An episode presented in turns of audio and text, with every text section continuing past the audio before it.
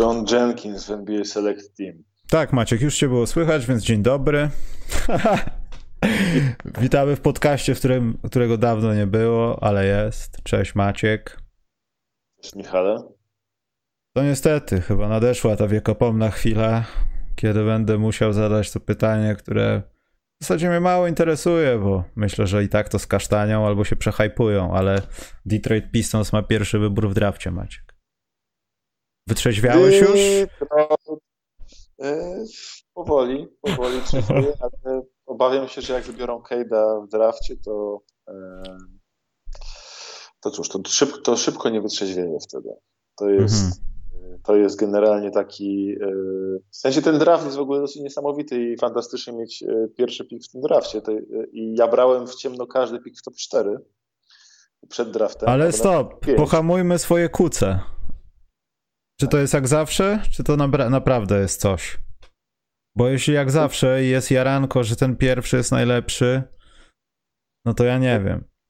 Wiesz Ustalmy to. Jest, jest inaczej, bo w tym roku, w tym drafcie wyglądało i to już od gdzieś od lutego wyglądało, że jest pięciu super mocnych gości. Nie? Jest tak, że masz Kate, Cunninghama, który yy, no to jest gość w typie Luka Doncic, Chris Middleton, taki jakiś hybryda tego. E, I rzeczywiście, wiesz, 6-8 wzrostu to jest 204 cm wzrostu, 202-204 cm wzrostu. E, gość 40% e, za 3 wali, ma mega talent do grania w klacz, rzucił parę game winnerów w tym sezonie. Do tego e, świetnie podaje, widzi takie podania z pick and rolla, to jest taka charakterystyczna rzecz, dopiero po paru latach się pojawia w NBA u młodych graczy, a on już teraz i lewą i prawą ręką rzuca takie krosy z pick and rolla do przeciwległego rogu. Jest strasznie długi, dzięki czemu może podawać e, bardzo dobrze mm, piłkę taką z zapleców obrońcy, jeszcze z pika, więc to jest też fajne. I ma takie przynosi wszystko do stołu. I trochę obrony, i trochę ataku, i podania, i rzut. Y, jedyne, czego nie ma, to nie ma jakiejś takiej elitarnej szybkości, że wiesz, gościa minie jednym krokiem i jest już trzy metry za nim. Ale z drugiej strony, jak tylko kogokolwiek na biodro weźmie, to już z nim na biodrze jest w stanie do tej obręczy dojechać i wykorzystując swoją długość y, zrobić punkty. No, facet był porównywany, wiesz, do... Nie chcę chyba słyszeć. Słucham? Nie. Był porównywany do Bena Simonsa z rzutem, Teraz jest porównywany do Luki Doncicia dosyć mocno, jeśli chodzi o taki profil gry jego ogólny. E, ja wcześniej mówiłem, że to jest taka hybryda Chrisa Middletona z Benem Simonsem właśnie w grze. Fajny jest, jest strasznie zaangażowany, strasznie dobrze rozumie też grę, jak na taką sesję filmową z Mike'iem Schmidtem. Ja ją widziałem jakiś czas temu i dzisiaj sobie ją ponownie obejrzałem, bo e, wiadomo, troszeczkę się e, podniecam tym draftem, wykorzystuję strony ESPN-u na zasadzie takiej, jak normalnie ludzie wykorzystują Pornhuba. E, Tego też wolałem nie wiedzieć. Żeby tylko czytać od razu dowiadywać się wszystkiego po prostu o tych graczach, których Pistons mogą mieć. No i Kate jest y, troszkę wyżej od całej reszty w tej klasie, bo po prostu ma dosyć unikalne umiejętności. Nie? A to jest tak, że on ma te 204 wzrostu, ale 218 zasięgu ramion. Więc też długi jest strasznie, kryje 4 pozycje, w NCAA krył 5 wersję jej krył centrum, z grał smallballowego centra nawet. No ale w poczekaj. ataku był rozgrywającym. Poczekaj, no ale to wszystko rozbija się o NCAA. On jest NBA ready, czy ma po prostu skillset, ale, ale mogą go obijać? Bo mi się tak trochę nie do końca chce wierzyć, że on jest taki piękny, cudowny i już teraz może grać z dorosłymi, że tak powiem. Szczerze, gdyby poszedł w zeszłym roku w drafcie razem z zeszłą klasą, jak był, mógł, gdyby mógł iść prosto po liceum, to by był niekwestionowaną jedynką. I nawet nikt by nie dyskutował. No dobrze, więc tutaj chyba jest wybór już jak gdyby dokonany, czy nie? E, wiesz co, jest tak, że problem jest taki, że Pistons, e, jedyny problem jest taki, dlaczego w ogóle Pistons się rozglądają i patrzą na tam top 5 czy top 6, top 6 prospektów nawet, a nie tylko na samego Cade'a, jest to, że Kate, wiadomo, jest dużym gościem, to jest 200, wiesz, 204 cm wzrostu, to jest y, duży wingspan, ale on nie jest bardzo szybki i oni ogólnie nie mają zbyt szybkich graczy w składzie, bo ten taki ich core na przyszłość, czyli y, Killian Hayes, dość wolny obwodowy, duży, ale wolny.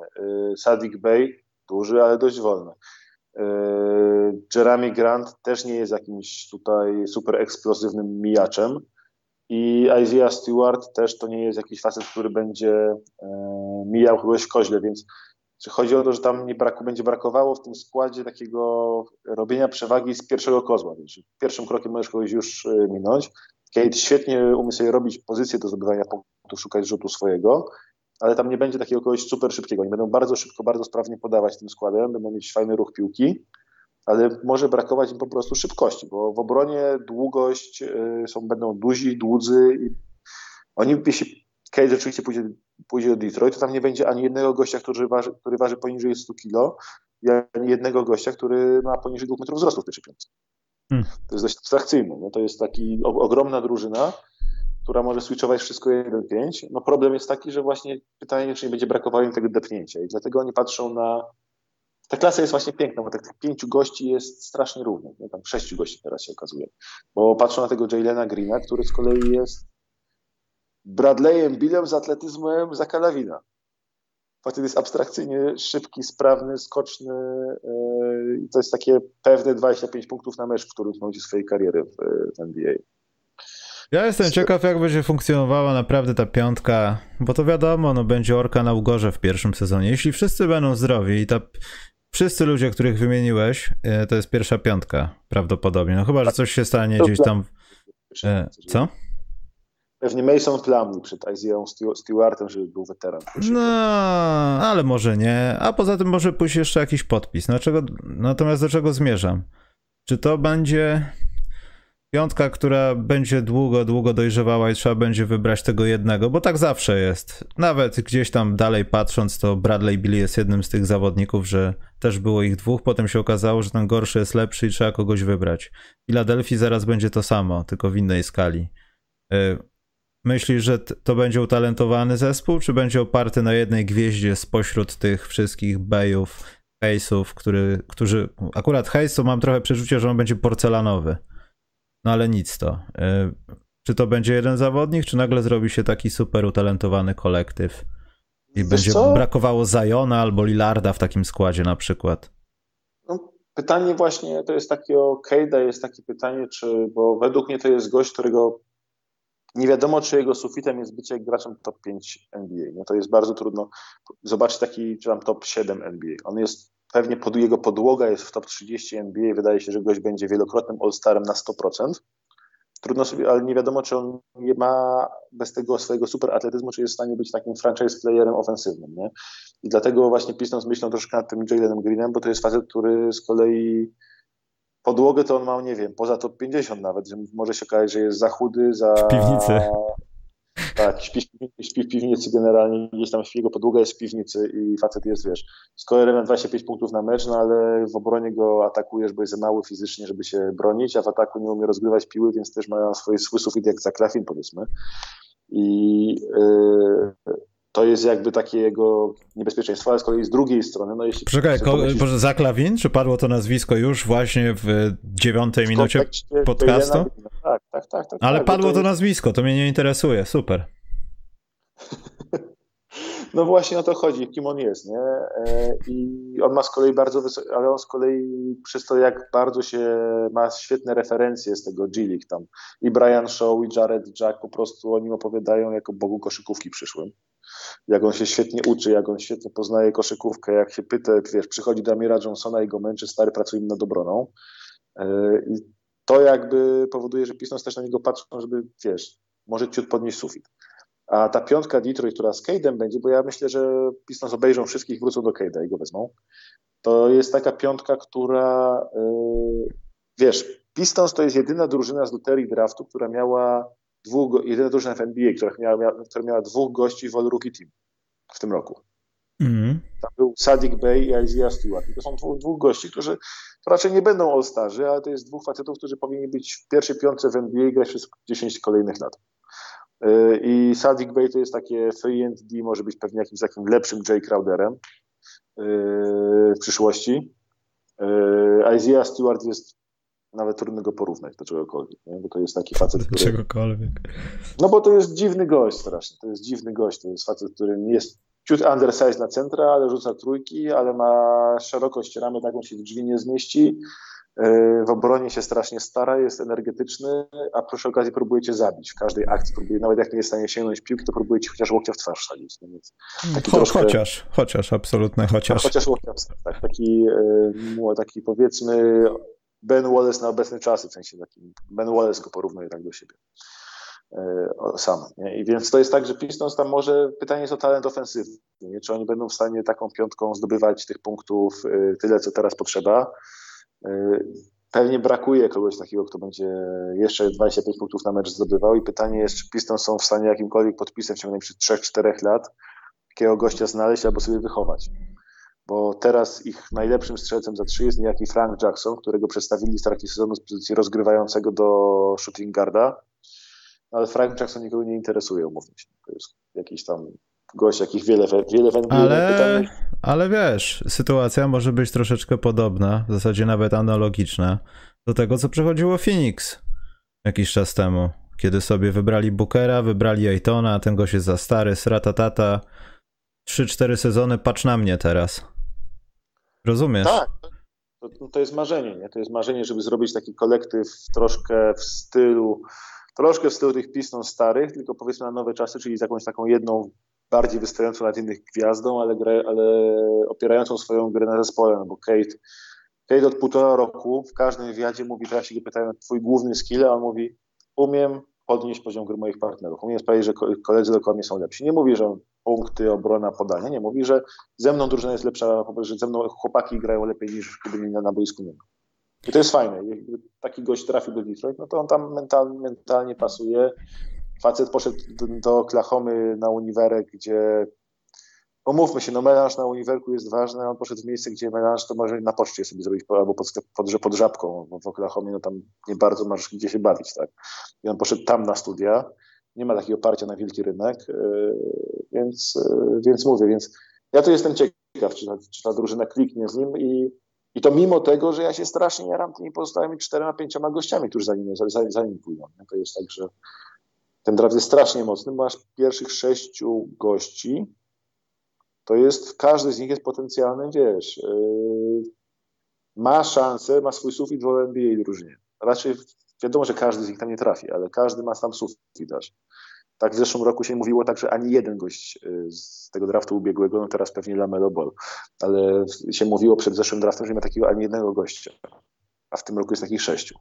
Masz Kejda, masz Evan Mobley, który wygląda jak mniejszy Anthony Davis, tak, Mobleya widziałem więcej razy i faktycznie dobry chłop Nie, jest. To, jest, jest niesamowite. On w turnieju taki mecz, że w pierwszej połowie oddał jeden rzut, a był najlepszym graczem tej połowy meczu. We, we, po prostu rot, e, rolowaniem, zabieraniem przestrzeni, obroną, z zasłonami.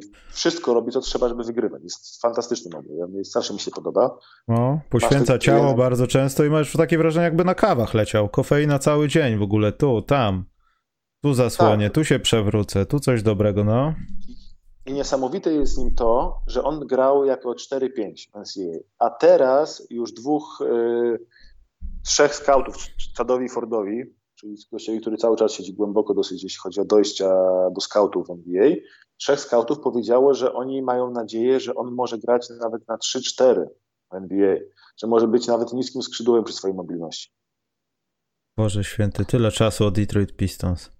I, i, ale to jest z kolei, to jest, wiesz, Mobley to jest akurat historia na przykład, niekoniecznie Detroit, tylko historia na przykład o Houston albo Cleveland. Wiesz, Cleveland by się ścikało ze szczęścia, gdyby tam trafił taki podkoszowy. No ale w Cleveland teraz jakaś tam pogłoska wynikła na temat jakiejś wymiany. Ja myślę, że tam yy, warunki pracy dalej będą pozostawiały wiele do życzenia. Wiesz, porter, wiesz, te sprawy różne. Tam nikt z nikim nie rozmawia, wszyscy mają wszystkich gdzieś i tylko jest nadzieja, żeby zagrać dobry sezon i nagle po jednej trzeciej e, lepiej dla nas będzie, jak będziemy tankować, bo tam gdzieś w drafcie jest Emoni Bates, bo zbliża się Emoni Bates do NBA, drodzy, drodzy państwo, mój człowiek. Będzie mordował. Kevina Duranta pierwszym krokiem. Przepiękny on jest. Wiesz, ja nie wierzę za bardzo w to, że komukolwiek wyjdzie granie w Cleveland na dobre, a tak samo jak reszta NBA nie wierzy w to, że komukolwiek wyjdzie na dobre granie w Detroit. Ale no, no. zakładam, że e, Cleveland ma tam jakiś dziwny klimat tej organizacji, no, ale tam jest taki klimat, że oni teraz chcą handlować Sextonem potencjalnie, albo Garlandem, ale Sexton, e, bardziej Sextonem, z tego względu, że jeśli Houston nie weźmie Greena, tylko Mobleya, to Green spadnie aż do Cleveland. A Green jest z miejsca, z miejsca będzie najlepszym graczem Cleveland. On jest tak dobry. I tylko jest gardem, on jest, on jest dwójeczką. I więc i on nie może grać naraz z Garlandem i Sextonem, bo oni będą mieć łącznie wtedy 40 kg na obwodzie, podzielone między, między nich trzech. To jest, to jest jakaś tragedia, to jest jakaś. Bo to są wszyscy nie? zawodnicy, którzy potencjalnie mogliby zostać wybrani do Chicago Bulls, ale oczywiście co się stało? Znaczy ja się cieszę, no Bulls nie mają piku, ponieważ yy, nie zasługują na to i też by go skasztanili pewnie, Kobe White. Yy, I Orlando może to za nich zrobić, albo wybrać, wybrać kogoś fajnego. W ogóle te wymiany, rozmawialiśmy o tym z Maćkiem wcześniej, no w okolicach jeziora Michigan szybciej Detroit będzie w tych playoffach albo w playinach niż Chicago w ogóle zastanowi się, co ma robić dalej z będącym wiecznie pod wpływem jakichś dziwnych środków Wucewiczem, któremu zawsze jest dobrze, on jest zadowolony, jest fajnie, mam kontuzję, ale jest dalej ekstra. Izakiem Lawinem, który twierdzi, że w tym sezonie już na pewno będzie bronił i trafiał ważne rzuty. Teraz już nie żartuje. Żarty się już skończyły. To jest niesamowite, że, nie, że twoje Chicago oddało ósmy pick draftu, który wygląda, że będzie cholernie mocny, nawet tam poza tym top 6 będzie naprawdę bardzo, bardzo mocno się wydaje. Czy wiesz co, tu y, nie chodzi też o pik, tylko chodzi o to zgrupowanie tych pików w Orlando. Orlando teraz ma luz w, w nartach, że tak powiem, i może sobie któryś z nich wymienić, wybrać, przeczekać, zostawić oba, cokolwiek, ale to, to jeszcze dodało do Wendela Cartera po prostu takie no darmowe szczęście podczas tego draftu, no. Takie no, są fakty. Co oni zrobili? Ci Orlando ma w ogóle fantastycznie, bo Orlando pomijając, że ten ich pik powiedzmy spadł dwie pozycje w dół, nie? to jest e, smutne dla nich, ale oni mają teraz piki 5 i 8. I o ile y, tacy Pistons to nie oddadzą jedynki za 5 i 8, na przykład jeśli Houston weźmie, weźmie Jalena Greena, to władować się na trójkę do Cleveland które potrzebuje jakiegoś skrzydłowego wtedy tylko.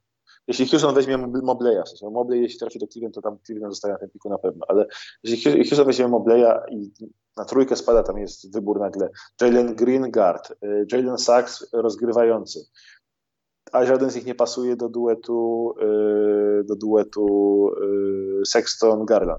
A kto no pasuje w NBA do duetu Sexton-Garland? Ten duet nie ma racji masz, bytu jako duet. Zacznijmy od tego. Potem masz kolejnych dwóch gości, silny skrzydłowy i niski skrzydłowy. Scotty Barnes, o którym David Thorpe, czyli ten taki trener ESPN-owski, który jest bardzo mądrym gościem, mówi, że to jest facet, który wygląda jak bardziej przytyrany Magic Johnson. No a co z Jonathanem Kumingo? I Jonathan Kuminga, który z kolei ma, jest bardzo długi, ma budowę Kawaja Leonarda, ma fajne statystyki do grania, ale on spadnie na to 5-6 miejsce, myślę, najniżej, z tego względu, że jak był razem z Jalenem Greenem w tym G-League Team, to i Brian Shaw, i Jared Jack ewidentnie dużo, dużo lepiej się wypowiadali o yy, Greenie. I to mimo tego, że Kaminga miał pierwsze pół tej bańki, dużo lepsze. E, I Kaminga, Kaminga ma troszkę jakichś tam takich e, delikatnych problemów z charakterem, typu zmieniał liceum co pół roku, e, typu właśnie nie chłonął tak wiedzy w tym G jak Jalen Green. Też wszyscy mówią, że jest potencjalnie fantastyczny gość, że bardzo długi ma, daje i obrony i atak i dobrze podaje, tylko rzut ma średni. I on fizyczny, gdyby miał taki charakter super świetny, jak się mówi o, o Jalenie Greenie, to był kandydatem do jedynki w ogóle Kamienka. On ma ten, ten background check troszkę gorszy, dlatego on tam pewnie na 5-6 spadnie. Ale z punktu widzenia Cleveland, jak potrzebujesz skrzydłowego, silne lub niskie skrzydło, to jak jesteś na trójce, gdzie masz 3-4, przewidują dwóch gardów, Jalen Green, Jalen Sachs, to zejść do piątki i tam też sobie wziąć tego swojego skrzydłowego i jeszcze dostać ósmy pik razem z tym, to jest naturalny deal, że Orlando daje 5-8 za trójkę. I dzień mm. dobry. I może wtedy sobie z trójką wybrać franchise playera. To też prawda. Taki Jalen Green, który by grał obok e, Fulca, idealnie siedzi. Albo Jalen Sachs też może grać obok Fulca. A Jalen Sachs to jest po prostu facet, który ma, nie wiem, to jest coś, sobie wypośrodkujesz coś między Kyle Lowry, Chris Paul, Brandon Roy.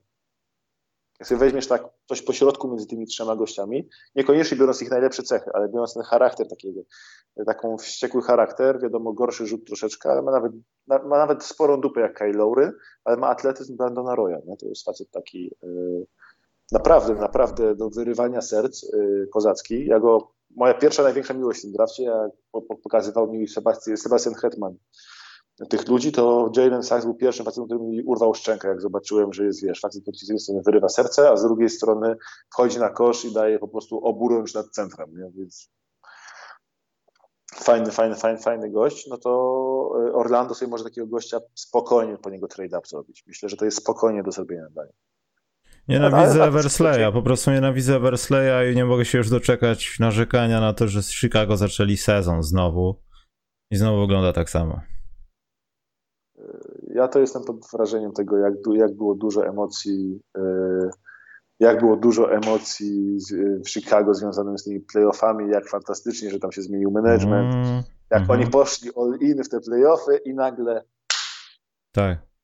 oddajemy ósemkę, e, oddajemy Hutchinsona, oddajemy Gafforda, oddajemy Wendella Cartera, Jednocześnie zostawiając kasztanów, nie mówmy się, no może Mark Allen nie jest jeszcze w kategorii kasztanów, co Kobe White już jakby jest w kategorii kasztanów. Znaczy inaczej, gdyby Kobe White funkcjonował na takiej zasadzie od początku sezonu, że on ma tylko zbiegać po końcowej, dostawać zasłony, robić robotę Ray Allena, gdzieś znaleźć się w dribble, dostać piłkę, rzucić sobie spota i do widzenia, to jest jego gra. Ale chłopina nie potrafi po dwóch kozłach, albo nie wiem, patrzy w podłogę, ale nie potrafi po dwóch kozłach rzucić do kosza. Znaczy technicznie umie, ale to rzadko kiedy wpada. Ma mecze, że ma wszystko mu wpada dzień konia. Owszem, są takie mecze i chwała mu za to, bo kilka Chicago dzięki temu wygrało. Nie wiadomo po co, ale wygrało. No i nagle się okazuje, że gość, no, albo to dołoży w off-seasonie, albo już zostanie takim gościem, który jest tylko spota shooterem, nic więcej. Bo jego kozioł jest, no na po... w ogóle jego wchodzenie pod kosz, mam wrażenie, czasami jest na poziomie lig amatorskich, no.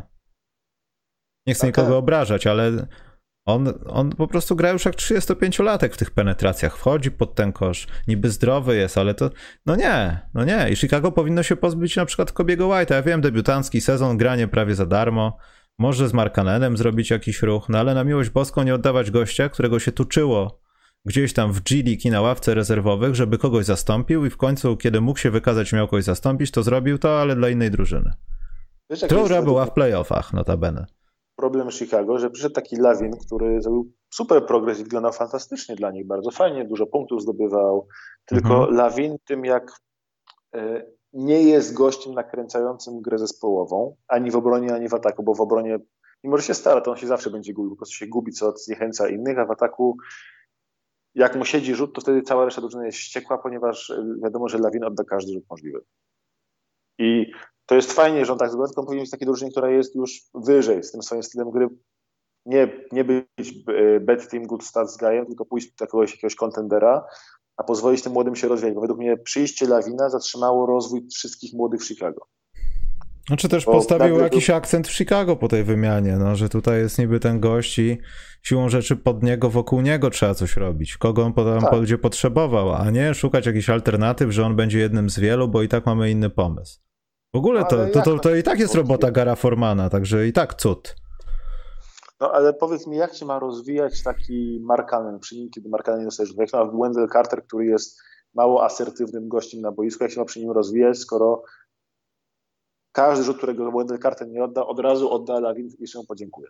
Jak no. się ma rozwijać nawet taki Kobe White, który rzeczywiście, no, ja nie jestem fanem Kobiego White'a, ale Kobe White miał taki moment, że przecież grał przez moment pluł ogniem, to nie było w tym sezonie, tylko sezon wcześniej jeszcze, tak, ten, w tym przerwanym sezonie, że biegał i pluł ogniem, no ale teraz nagle nie może znaleźć roli, bo on nie może być gościem, który jest drugi obok Zaka Lawina, bo rzuca gorzej niż Lawin i zabiera w związku rzuty Lawinowi, więc nagle Kobe White też nie może znaleźć się swojej roli, a umie tylko jedną, umie biegać i rzucać. A no. to jest już rola Lawina. I ci młodzi nie mają jak się dać. Patrick Williams też wydaje się być mało, dosyć mało asertywny i też wydaje mi się, że przy Lawinie nie będzie tak dobrze się rozwijał. I ja nie wiem, czy Philadelphia nie powinna zrobić takiego pół kroku do tyłu, zrobić dealu, za którym mnie spalili na Twitterze fani Chicago, y, czyli Lawin plus Lauri za Bena Simonsa i coś. Oczywiście, to brać w ciemno jeszcze przepraszać, to... że tak długo się nie odbierało telefonu. Ja bym ten deal zrobił na miejscu Chicago z pocałowaniem ręki, bo i Lawin będzie lepszy, lepiej pasował do Embida i będzie w Filadelfii tam lepiej siedział. I Ben Simmons nagle ma tak, i nagle Kobe White może, może, może, może oddawać rzuty. E, Patrick Williams ma szansę się rozwijać jako rzucający. Wucewicz może jakiś tam robić przestrzeń dla Simonsa. Może że nagle ci młodzi w Chicago, w Chicago wreszcie zrobią krok do przodu. I, a przy okazji będą większe szanse na playoff niż teraz są. Mm. Takie mam wrażenie, że to jest jakby deal dla Chicago do zrobienia. Idealnie byłoby, gdyby mieli ten swój ustny pik, bo wtedy gdyby nie mieli Wucewicza, tylko mieli to wszystko, co mieli przed dealem Wucewicza, bo wtedy byłoby łatwiej im pozyskać tego Bena Simonsa w jakimś dealu, który byłby obustronnie satysfakcjonujący. By na siłę tak, że... grali Gaffordem przez pół sezonu, żaden Wucewicz nie byłby im potrzebny. Te punkty by się przeniosły na innych graczy, a praca pod koszem byłaby taka sama, jak nie lepsza. No chyba, że coś się działo w Waszyngtonie takiego, co nie wiem.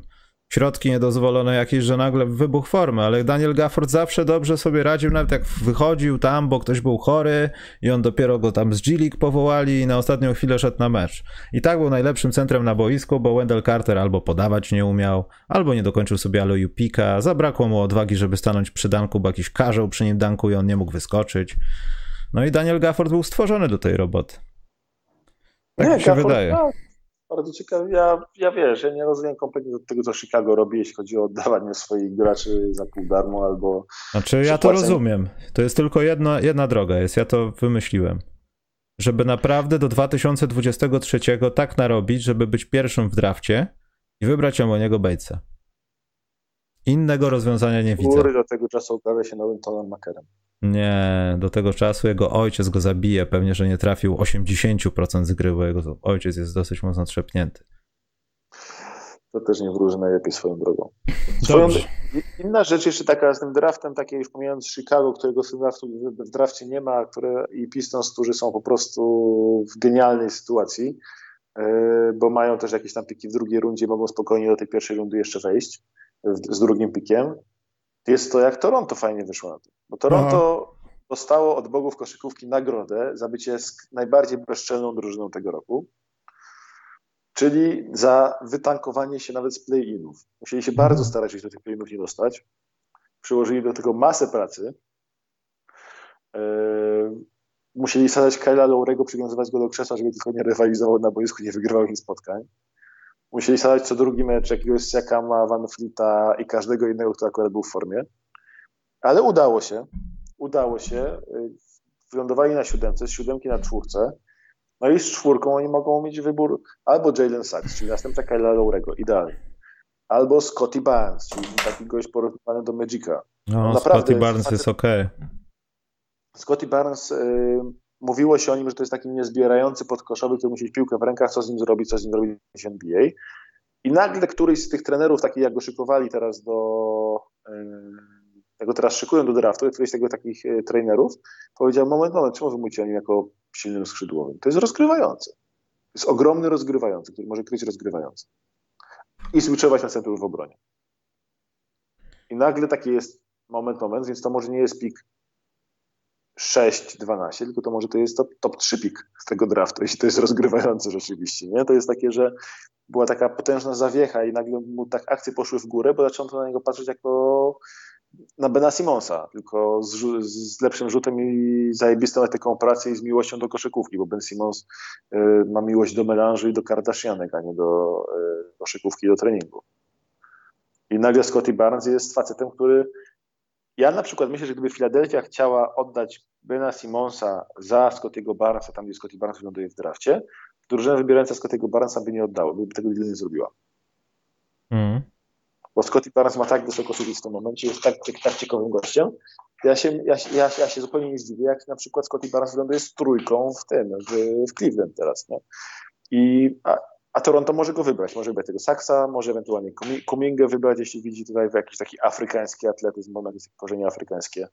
Yy, afrykański atletyzm yy, ala Pascal Siakam, żeby sobie dołożyć do tego składu. Z Toronto jest w kozackiej sytuacji, a może pójść też nawet w taką akcję typu właśnie, nie wiem, zrobimy trade, up, trade down jedną pozycję, dołożymy do tego jakiegoś nie wiem, Garego Trenta albo Pascala Siakama, jeszcze weźmie 5 i 8 piki, wiesz, taki, może kombinować. Toronto super na tym wyszło. Najbardziej bezczelna drużyna tego roku, wyszła na tym fantastycznie. Yy, tak samo jak yy, z drugiej strony, z drugiej strony tej loterii znalazła się Oklahoma, która naj, równie bezczelna. W drugiej połowie roku już grali po Kupuszewskim wszystkie minuty, które się dało, żeby tylko przegrywać. Hmm. I mogąc mieć piki 1-5 w tym best case na którym mieli chyba 30% szans nawet, czy, czy nie, nie, na jeden to nie mieli, ale żeby mieć pik w, w top 4 i w, w top 4 i piąty pik, czyli, czyli top 4 plus 5, żeby mieć te piki, to mieli szans tam, że 30% szans na to mieli. To było, a zamiast tego wyszli z pikami 6 i 16. Dobrze, Coś Maciek. Może chodźmy, okay. chodźmy dalej, bo widzę, że. Ja od razu mogę mówić cały dzień, przepraszam. Ja wiem, ja wiem. Nie, no bardzo dobrze naświetliłeś sytuację, zważywszy, że słucham tego ze zniesmaczeniem znacznym, bo to jak gdyby znowu się dzieje i inni zarabiają, a ja tracę tylko i, i, i inni. Ale przejdźmy do prawdziwej koszykówki, bo to będzie oho, ta loteria, oho, będą jeszcze igrzyska, zdążymy zdobyć medal w 3 na 3 Oglądałeś naszych dzisiaj? Naszych oglądałem pierwszą połowę i stwierdziłem, że dobra. Pierwszą połowę i kawałek trzeciej, trzeciej kwarty, ale już e, w sensie po tym jak nasi zagrali pierwszą kwartę naprawdę fantastycznie, no, prawie na szczycie swoich możliwości i przegrywali tak trzema punktami, no to już było widać, że to się skończy zaraz takimi bęckami, że to się w głowie nie mieści. Trudno było mi sobie wyobrazić scenariusz, w którym Słowenia tego, meczu nie wygrywa 20 po, po pierwszej kwarcie. Ale wiesz co, ja chciałem, znaczy wiadomo, no staraliśmy się, tutaj zero hejtu nie będzie żadnych, że tam nam włoili, bo o, nie oszukujmy się i tak i tak by nam włoili. Chyba, że nie wiem, luki by nie było. Ale to też myślę, że niewiele by zmieniło, bo nie wiem, no w pierwszej połowie może to tak bardzo nie było widoczne, ale to było już widoczne w drugiej połowie i wiem, że Ameryki tutaj nie odkryje, odkryje ale Słowenia nie gra koszykówki, która zaskakuje filozofów, jak to mówił pan Kiepski. Nie. Oni robią proste rzeczy. Jest zasłona, wiadomo, że typ pobiegnie do rogu, bo tam dostał jedną off-bolową i w momencie, kiedy tupie piętami już w narożnik, dostaje piłkę, bo tam się dzieją rzeczy. To jest kwestia synchronizacji, już nawet nie talentu. Ciężkiej pracy, synchronizacji. Ja wiem, że mnóstwo z tych zawodników gra w zawodowych ligach, Patch, Luka i tak dalej, i tak dalej ale mimo wszystko to są fundamenty koszykówki. Tam się nie dzieją rzeczy, jakieś Princeton Offense ze Słowenii w ogóle, wiesz, porysowane, tak, że już deska jest zarysowana, jak Kaczor Duffy rysował coś po galaktyce i cały kosmos zamalował na tej planszy. To nie są takie rzeczy. Tam są, nie wiem, jakieś naprawdę proste rzeczy, no chyba, że Słowenia będzie grała z kimś jakimś naprawdę arcytrudnym i zaczną kombinować. Ale z nami grali jak, no nie chcę powiedzieć z dziećmi, ale to wyglądało tak po prostu, wiesz, rutyniarsko strasznie. I zastanawiam się, czy my doczekamy się, nie wiem, może jak Balcerowski będzie odchodził z kadry w wieku 45 lat, mam nadzieję, będzie grał jak najdłużej, bo tutaj nie widać innej nadziei. Będziemy przynajmniej prezentowali taką formę synchronizacji. Bo ja wiem, że oni ze sobą nie grają. Ja wiem, że w tej kadrze jest smród, szum i, i tak naprawdę ludzie dalej się, oprócz tego, że dostaliśmy ze Słowenią, myślą, gdzie był Waca i co się stało, dlaczego się stało i tak dalej. Ale mimo wszystko my mamy kłopoty z fundamentami. Wiesz co, kłopot z fundamentami, jak kłopot z fundamentami, Słowenia też ma talent pięć poziomów wyżej. Oczywiście nie, no to jest niekwestionowane, ale mówię o używaniu tego talentu. Oni nie wykorzystywali tego talentu, że latali nad nami, tylko robili proste rzeczy w określonym czasie, w określonym tempie. Możemy robić bardzo podobne rzeczy, tak jak powiedziałeś, w pierwszej kwarcie coś z tych rzeczy było widać. Była skuteczność, były odpowiednie pozycje, walka, Stary, oni robili takie akcje, że Słowenia robiła pres na piłce, robiliśmy stratę na, w koźle albo przy podaniu od razu na ich połowie i od razu była kontra i szybkie punkty. I to było najprostsze na świecie, bo tam potem w ataku pozycyjnym to wiadomo, znajdowali trójki, no ale jak masz takiego gościa Lukę Dończycia, który ci pół obrony przyciąga, a jak dostanie piłkę, to jednym touch passem ci zrobi z, te, y, z tego asystę na trójkę, i y, tego dużego gościa zgubiłem, jak się nazywał, pod koszem, do którego, do którego może dogrywać, ten wielki podkoszowy, nie, jest, nieważne. Y, w każdym razie, jak oni mają taki zespół, no to trudno z tym grać, to nie jest nasz poziom talentu, wiesz, nam może wyjść jeden mecz na 20, myślę, w którym będziemy grać na równo cały mecz. No, myślę, że też nie to.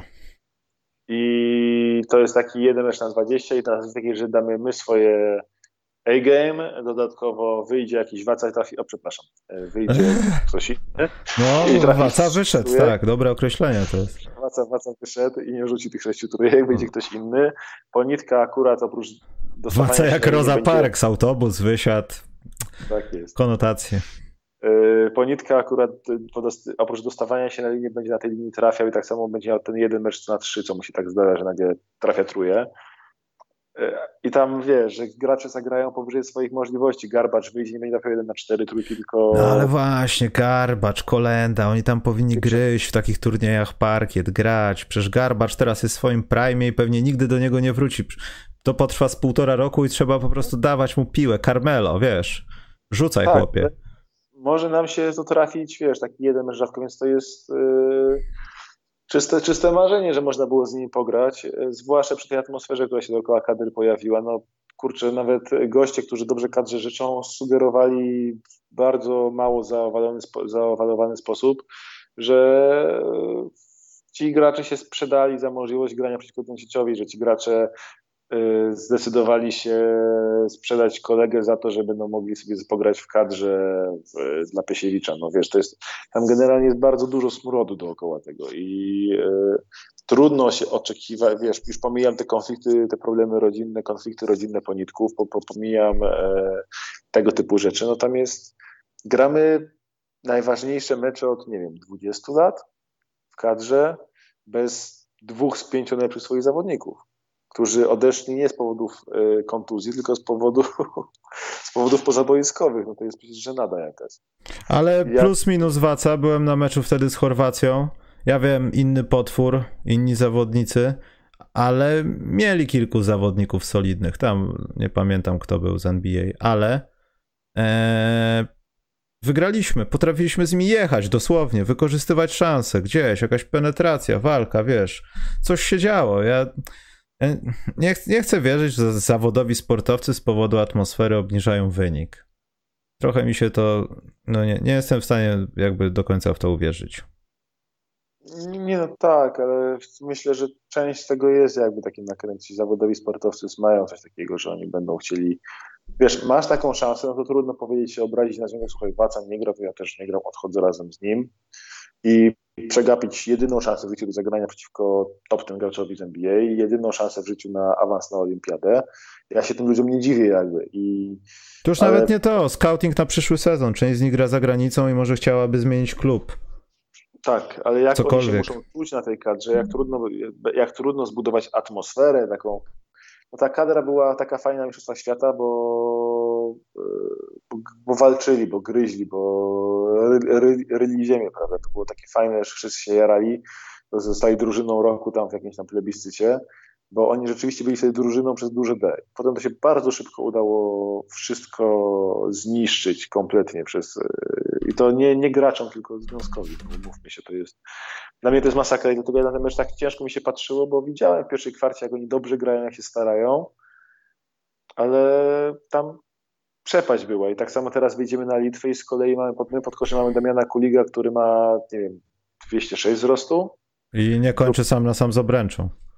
Olka Balcerowskiego, który z Kosmorada ma 2,20, ale waży pewnie mniej, mniej, niż ja. A wychodzi na niego Sabonis z Valenciunasem. No oni, oni, mogą nie trafić ani nie mogą nie trafić ani jednego rzutu z dystansu, bo dobiją wszystko. Karetki są już 80, popodstawiane? Będą mieć 80 punktów drugiej szansy. No chyba, że wejdzie Damian Kulik, stanie na drabinie i z tej drabiny będzie zbierał. Albo wróci Damian Kulik sprzed dwóch lat. Tak, i jeszcze y, i ten, i tam, i albo, albo Dominik Tomczyk i Szymon Szewczyk i jeszcze Piotr Szybilski najlepiej, żeby mu kogoś, kogoś zastawili. Mariusz Bacik. Nie, pan... ja, ja w no? sensie, no ta kadra jakby mnie jarała na Świata, ale cała ta sytuacja, co się wydarzyła teraz przed tymi mistrzostwami, kompletnie pozbawiła takiego momentu, przed tymi kwalifikacjami, pozbawiła mnie takiego momentu w kibicowaniu, pozbawiła mnie tego fanu. Ja to zobaczyłem, to że im bardzo dobrze życzę, bo to tam są fajne chłopaki, ale nie, nie czuję optymizmu dużego, ani po tym, ani nie czułem przed tym meczem, ani nie będę czuł przed meczem z Litwą. A z tego turnieju, przypomnij mi, wchodzi jedna czy dwie drużyny? Jedna, no oczywiście. To trzeba, no to z każdego z tych Dwóch. czterech wychodzi bodajże jedna. Czterech albo pięciu, bo tam jest Kanada, Serbia, Chorwacja. Cztery. No to chyba cztery są te ośrodki, no by, już nie pamiętam. By nas musiały trafić dwa cudy po kolei. Najpierw by się musiał pobić Valanciuna z Sabonisem e, o jakąś, nie wiem, e, chorwacką mis, czy nawet litwińską mis a potem musieliby, e, a potem, nie wiem, Doncić musiałby Kartasiankę jakąś poznać, żeby generalnie nam, żebyśmy mieli szansę finału wygrać. To jest bardzo dużo, że bardzo, bardzo dużo kobiet by tam trzeba było wysłać, żeby ich wszystkich skłócić. I to coś czuję, że spoza Unii Europejskiej również. Tak jest. No nic to. Zostawmy to, bo to też jest taki temat, że wiesz co, z drugiej strony byłaby fenomenalna atmosfera i tak byśmy dostali od Słowenii w ciało. I tak, myślę. E, I nie chcę mówić, że co nieładnie od razu spisywać na straty, no ale trzeba po prostu spojrzeć jasno w, różni w różnicę poziomów. Powalczyć sobie możemy, pograć możemy, ale wszystko poza porażką to jest olbrzymia niespodzianka. Nawet dogrywka to byłby sukces. Ale ja pamiętam dogrywkę chyba z Finlandią i nie chcę więcej takich dogrywek oglądać. Więc. Ten, kto mógł nam pomóc, jest Tyron Lu, słuchaj. Mhm, Tyron Lu, schowawszy w szatni 10 dolarów i mówiący do garbacza, że tam zostawiłem przed meczem. Nie, porozmawiamy teraz o wielkości Chrisa Pola i o tym, jak to się stanęło, że w zasadzie z pierwszych trzech piątek najlepszych w tym sezonie został do pewnego czasu, no bo już go nie ma de facto, no ale Paul George i nagle wjeżdża sobie Chris Paul do finału na pomarańczowym koniu. W zasadzie na pomarańczowym Feniksie. Nie wiem, jak nazwać zwierzę, które jeździ i jest z, z, zbudowane ze słońca bądź jakiejś magmy. Ale Chris Paul, no, on po tym moim zdaniem, nawet, jak, nawet jakby przegrał ten finał, aczkolwiek nie spodziewam się, bo tam na wschodzie to rzeźnia jest i tam mało żywych ludzi może dotrwać w ogóle do finału NBA. E, on nawet przegrywając już wygrał. Klątwa, finał konferencji, it's gone. Wiesz co? Jak ładnie to pasuje do tego, jak ładnie to pasuje do nazwy klubu, e, do nazwy miejsca, skąd jest klub, tak? Mm. Phoenix, Phoenix, Chris Paul odżył. Gość, ja tak napisałem na Twitterze o tym, że to jest pewnie być może najlepszy fragment koszykówki, jaki, jaki widziałem od roku, to co on zrobił na przełomie trzeciej i czwartej kwarty, kiedy tam Clippers gonili. Oczywiście był Kevin Durant w tym sezonie, był Kawhi Leonard z Dallas, był Kevin Durant, co wyprawiał tam z Bucks, więc trudno tutaj powiedzieć zdecydowanie, że to jest najlepsza koszykówka, ale te 31 punktów Chrisa Paula w drugiej połowie, zwłaszcza ten taki fragment, kiedy tam doszli Clippers na z 89-72 na 89-82 i w tym momencie Chris Paul powiedział, dobra, panowie, kończymy tą zabawę, nie wygłupiamy się, i przejął cały mecz pod kontrolą. Tempo, szybkość tego meczu, to w które miejsca dochodził, jak dochodził, że znajdował każdy rzut, który chciał, że miał taką głupią taką akcję, że przyszedł pod koszem, tam przekosował pod koszem w swoim stylu i już obrońca poleciał do rogu, on się od, zastawił dupą, obrócił się i tak wrócił takiego jumperka sam na sam z koszem, w ogóle nikogo w okolicy nie było z dwóch metrów. I ja też patrzyłem na to i byłem pod gigantycznym wrażeniem, że to jest facet, który ma 36 lat, który już te cztery razy miał zakończoną karierę, który był już uważany dwa lata temu jako ujemny asset, że untradable. Mm.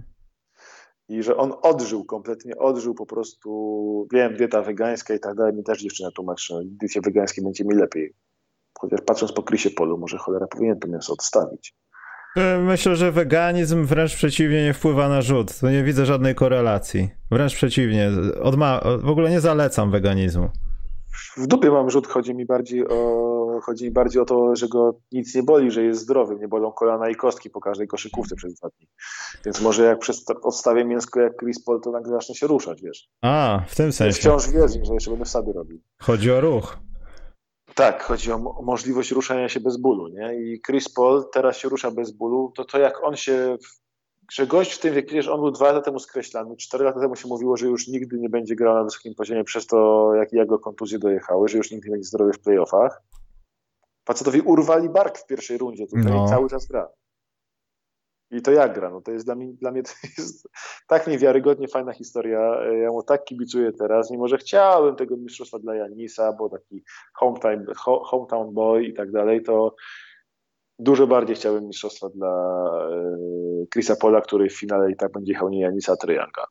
E, więc no ja nie, zaraz o tym porozmawiamy. Ja nie jestem do końca taki przekonany, że tak będzie. Też nie jestem przekonany. Bo to zależy od wielu rzeczy. Natomiast jeszcze tak się pochylając nad Sans, ja pamiętam kiedyś, że się mówiło o tym, że i to w ogóle jeszcze jak Marcin Gortat nie grał w Phoenix, to już ta opinia funkcjonowała i to gdzieś pamiętam na starych, starych jeszcze bez tych no, oczojebnych wersji NBA.com był taki artykuł na temat staffu medycznego Phoenix Suns. O tym, że jako pierwsi wprowadzili jakieś e, rzeczy do krioterapii. Potem no, Marcin o tym mówił i były z nim jakieś nawet TVP przyjechały i pokazywało go, jak on żyrafa, tylko głowa wystaje z takiej komorze. To ma chyba jakieś powiązanie. Cameron Payne zaczął grać w kosza. Ja wiem, ja się, ja się przypiałem do tego, że Bulls mają za niego przepraszać, ale oni o to oglądają i płaczą. Oklahoma to ogląda i płacze, bo ten chłopak nawet wtedy nie pokazywał tego, że może to pokazywać. On, prze, on po prostu pożyczył sobie Chrisa Pola talent na jeden mecz i, i praktycznie przeciągnął sam drużynę. Stary, Camerona Payna wybrano parę lat temu, się najgorszym graczem, który gra w NBA. No bo był najgorszym graczem, trzeba to powiedzieć. No, był ultra zły, jak był na boisku.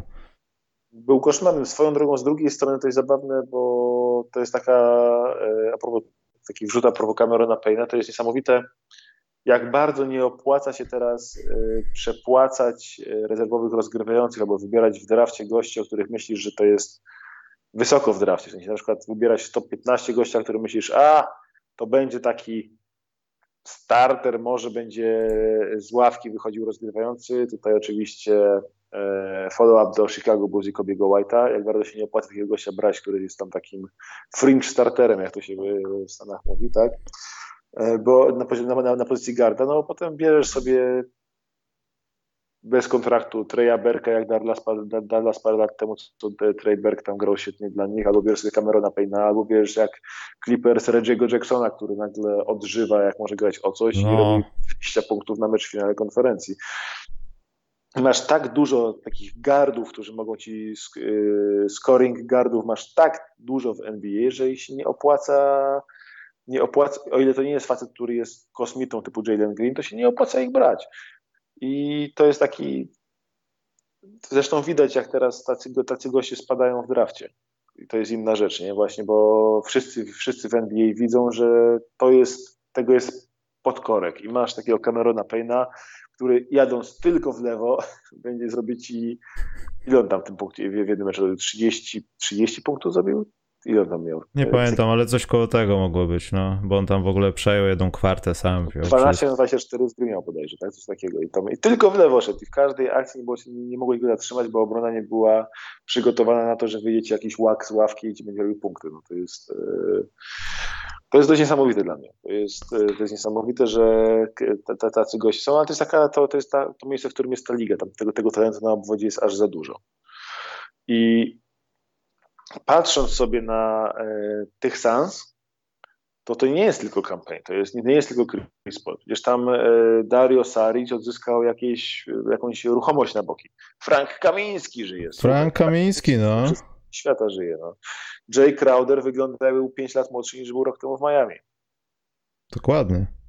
Ma sprężyny. Już pomijam tego, że Cameron Johnson ciągle żyje po trzech latach w NBA. No, no przekonany, że mu wypadnie biodro albo odpadną plecy po, po, po dwóch miesiącach. Więc to oni ten sztab medyczny mają zajebisty, a warto sobie powiedzieć, że GM roku, pan tutaj James Jones, tak, który to wszystko złożył i fajnie, do, gratulacje za pozyskanie Chrisa Pola i to tak tanio i tak dalej, mógł latem wziąć w drafcie, w jesienią późną, mógł w drafcie wziąć zamiast yy, Jalena Smitha, tak się nazywa ten takie wieżyczka strzelnicza, która u nich nawet nie chodzi na boisko, mhm. to zamiast tego gościa mógł wziąć jeszcze Tyrisa Haliburtona. Sobie wyobraź, że masz tutaj jeszcze Haliburtona. Ale wiesz co, nie, akurat z tym się nie zgodzę, bo to strasznie ciężko było szacować, że będzie tak jak jest. Ja nie wiem, tak, czy Tyrese Halliburton w, w, czasie draftu patrzyli na niego ludzie, ej, on nie został wybrany? Wow. Chyba nie było takiej narracji. Nikt się nie spodziewał takiego, takiego wystrzału z jego, z jego strony, bo chyba był lepszy w NBA niż w NCAA. Na to wychodzi. Co, Halliburton mówili o nim wszyscy i to nawet goście, którzy się draftem nie interesują po dwóch meczach obejrzanych jego, yy, że wow, to jest gość, który w NBA będzie produktywnym starterem na 10 lat. A on wyleciał z pierwszej dziesiątki, a Phoenix Suns potrzebowali yy, backup guarda. Ja nie wiem, czy on byłby lepszy od Camerona Payne'a, ale nic by im nie broniło nie podpisywać Abdela Nadera i tam mieć, no, no tam tak. mieć który by grał minuty jakiegoś Franka Kamińskiego i Abdela Nadera i by tam sobie grał, nie wiem, 20 minut na mecz, by robił, był bardzo produktywny w tym, a Campaign cały czas by robił swoje, swoją sieczkę. I mm. generalnie wszyscy eksperci od draftu, skauci mówili, się bardzo dziwili, jakim cudem Haliburton nie idzie, wiesz, top 5. Jak spadł za, jak go Pistons nie wzięli z siódemką, to już był lekki szoczek, bo Pistons podobno nie, go nie wzięli, bo się nie spodziewali, że on tam będzie, nawet nie mieli, wiesz, y, byli nastawieni na plan B. Skoro jak Patrick Williams został wybrany, to się poszli Kiliana Hayesa, bo to był plan A, i B, a Halliburton był spoza planu kompletnie, bo oni się nie spodziewali, że on spadnie poniżej piątego, piątego wyboru, bo były silne sources z drużyn 3, 4, 5, że to Halliburton pójdzie. Nie? I w każdym razie to, że Halliburton generalnie tam przeciął przez Phoenix na 10 i tam mógł grać w tej drużynie, to jest też e, świadczy o tym, że ta drużyna mogła być jeszcze mocniejsza. Niemniej tam ludzie ożywają. Tam ludzie ożywają, grają kosmicznie. Oni też przecież byli poza playoffami. To jest pierwszy raz chyba od nie wiem, czy to jest, właśnie czytałem dzisiaj jakiś taki tekst, nie pamiętam, czy to jest pierwszy raz od 10 lat, czy pierwszy raz od 30 lat, że drużyna, która rok wcześniej była poza playoffami, nagle znalazła się w finale NBA. No tak, też słyszałem coś takiego, no. To jest y, coś, coś nieprawdopodobnego, nie? Że, y, że oni tak, tak mocno mm, tak mocno poszli w górę, ale to jest też kwestia pa, pana Chrisa Pola. Myślę, że per pan trzeba powiedzieć do końca. Nie, życia. to się zaczyna i kończy na Chrisie Polu. Tutaj nie ma innych czynników twórczych. Nawet szukania tego, że Devin Booker samodzielnie stał się lepszym zawodnikiem. Ja myślę, że bez Chrisa Pola by nie został popchnięty do tego. Co teraz jest? Pamiętaj, że pamiętaj, że Phoenix w bańce byli cholernie mocni już. No owszem, owszem już bańce, więc teraz byliby drużyną, nawet bez Chrisa Paula byliby drużyną na playoffie. Ale pytanie jest, czy czymkolwiek więcej. A Chris Paul no właśnie. To jest kosmos, kosmos, bo dla mnie Chris Paul, to, że on robi na boisku, to co robi i tak dalej jest super, no to wiadomo. Wszyscy się mu kłaniamy, dostanie za to pewnie przedłużenie 100, 100 milionów za 3 lata, kiedy pod koniec kontraktu będzie o lasce chodził, należy mu. E, DeAndre Ayton wprost mówi, że Chris Paul uratował mu karierę bo ja się sam z DeAndre Aytona śmiałem w styczniu i lutym, że Chris Paul po tym jak mu raz poda piłkę pod, w stronę kosza, a on zamiast y, ładować oburącz nad gardem, który, który do niego zmienił, rzuca fadeawaya z 4,5 metra, to Chris Paul potem mu przez dwie kwarty nie podaje, żeby, żeby pokazać, co myśli o takim graniu. Spieprzy, spieprzyłeś, spieprzyłeś tą akcję, drugiej nie dostaniesz, sorry młody. I jak Ayton zaczął przy nim się ruszać w ataku, jak zaczął atakować obręcz. Ejton był rok temu, to był gorący kartofel. To dostała piłkę do rąk, to ją wypuszczał szybciej niż e, możesz pomyśleć, co zrobić. Jego jedynym rozwiązaniem dostanie piłki w ręce było wypuszczenie i stronę kosza. Gdzie to, by nie stał. To była taka lekka izolacja. Tak. A Chris Paul po prostu go mroził, mroził, aż mu wymroził, wymroził z głupiej bani te wszystkie pomysły. Ja to jest przy okazji, mimo że mówię głupiej bani tak na boisku, bo on jest poza boiskiem bardzo mądrym gościem, więc się po prostu odkłada, uczył, uczył, uczył i jest kompletnie innym graczem. Teraz dla mnie to jest facet, który gdyby teraz były wybierane All-Star, to był na pewno był All-Starze. Nawet nie ma dyskusji. Myślę. No teraz to wiesz, inna w ogóle dyskusja byłaby o postaci Chrisa Pola bez, bez, bez Phoenix, bez tych serii wygranych. To samo tak. mogło być z KD, no ale nie poszło. Tak, a druga rzecz, jak patrzysz sobie na ty, jak sobie patrzysz na Devina Bookera, przecież Devin Booker, go to akcja Devina Bookera to jest w tym momencie go to akcja Chrisa Pola.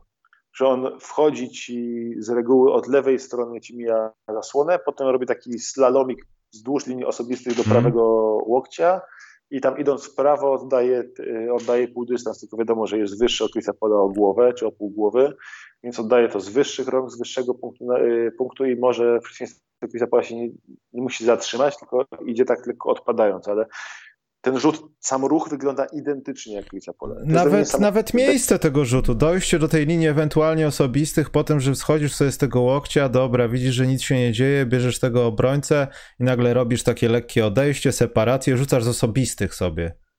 To jest Chris Paul. Tak. To jest plus minus dwa metry w każdą stronę, to jest Chris Paul. Zrobienie tak Ale... gościa, żeby myślał, że penetruje, w końcu się zatrzymuje i rzucam nawet nie, nie skacząc. Kompletna emerytura to jest. To jest rzucik i koniec. Wiesz, ten, ten klimat w ogóle z tym jest taki dosyć niesamowity, bo Phoenix Suns mieli tak, jak rozwijali Devina Bookera. To nie wiem, czy pamiętasz, jak on przyszedł do ligi, to on był takim gościem, który walił 40% za 3 i nie bardzo wiele wiadomo było co innego. Umie był spota shooterem za 3, wszyscy się rali, jaki ma piękny rzut za 3. A potem on zaczął się rozwijać z takiego Young Kobiego, bo jest wiadomo, idolizował Kobiego całe życie, i zaczął się rozwijać taką stronę właśnie takiego młodego pseudo-kobiego, oddając takie rzuty niepotrzebne nikomu z 6,5 metra, czyli ani za 3, ani za 2, które pięknie wyglądały jak mu się działo. Tam 70 punktów na tym sezonie zdobył chyba tak, że po prostu cała drużyna grała na niego, żeby zdobywał punkty. Atrakcyjne. W każdym razie takie głupie rzuty, ale ani za dwa nie rzucał, ani takiego pół dystansu prawdziwego nie miał, tylko takie pół trzy, pół dwa, liczone za dwa punkty, czyli kompletnie bezsensowne rzuty. No i wszyscy w Phoenix mieli presję, nie przesuńcie go krok do tyłu za trójkę, metr do tyłu za trójkę, nie rzucę za trzy. Mimo, że to nie było jakby jego taki naturalny instynkt. A Chris Paul powiedział, dobra, nie chcesz walić za trzy cały czas, no to patrz, tutaj na półdystansie zostawiają ci furę miejsca, bo chcą, chcą żebyś rzucał. Tylko podejść dwa metry do przodu. Mm. Naucz się dochodzić do tych rzutów tak y, też y, z kozła i tak dalej, a nie tylko po prostu zrobisz pull-up z ręką na twarzy. Jak Booker to, to, to, to dodał do swojej gry, no to, to jest też inny gracz. On jeszcze nie jest równy w tym, jak trafia, przez co w jednym meczu robi 16, a w drugim 40 punktów. Ale Paul go nauczył znajdowania tej przestrzeni, wykorzystywania tego. Ale jak zostawią teraz Bookerowi miejsce na trójce, to on ci nie zrobi jak robił jeszcze rok temu kozła do przodu i nie rzuci z 6 metrów, tylko tą trójkę też weźmie. Chris Paul nauczył go brać co jego i nauczył go trochę, trochę kontrolować tempo gry, czego, yy, czego Booker nie miał i to mimo tego, że go tak, był taki moment dwa lata temu, kiedy go z kolei w nowego Hardena uczyli. Się okazało, że on nowym Hardenem nie będzie jako rozgrywający, ale nauczył się kontrolować trochę tempo gry od Chrisa. A, I ostatnia rzecz, tak zanim skończę swój monolog, to jest też samo, jak Chris Paul sam w sobie zmienił swoją karierę troszeczkę, jak dużo się nauczył grając w Houston Rockets z Jamesem Hardenem. On, zanim, się, zanim grał w tym systemie tego double ISO, czyli albo on ISO, albo Harden ISO, nie grał takich izolacji, że robił wszyscy szeroko i dochodził sobie do pull-upu na trójce. Nie, nie robił takich akcji w ogóle. A w tym roku, wczoraj, a wczoraj z Clippersami, ze trzy razy miał tak, tutaj mamy tak, jest switch, no to proszę, wszyscy szeroko, ja tutaj mógł tego gościa zniszczę, e, właduję mu pull-upa za trzy to było widać, że była akcja typowego Hardena i nawet takim trochę stepbackiem w bok jedną taką trójkę rzucił, co aż się śmiałem i mówi, kurczę, może Hardena nie lubię, ale czegoś się od niego nauczył. Więc to jest strasznie fajne, jak ci Phoenix wyglądają, ja bardzo ten zespół lubię, a nawet nie powiedzieliśmy o Mikalu Bridgesie, który może być za dwa lata niewiarygodnym graczem. No, będzie bardzo ważny w tych finałach, bo dla obu ekip jest pewnie graczem dosyć niewygodnym, którego nie możesz postawić na matchupie jeden na jeden, jeśli się na to zdecydujesz. Ale dobrze. Dwie rzeczy, to to jeszcze z tym Bookerem, że on tam sobie wychodzi, rzuca ten odkrycie midrange z powrotem w NBA.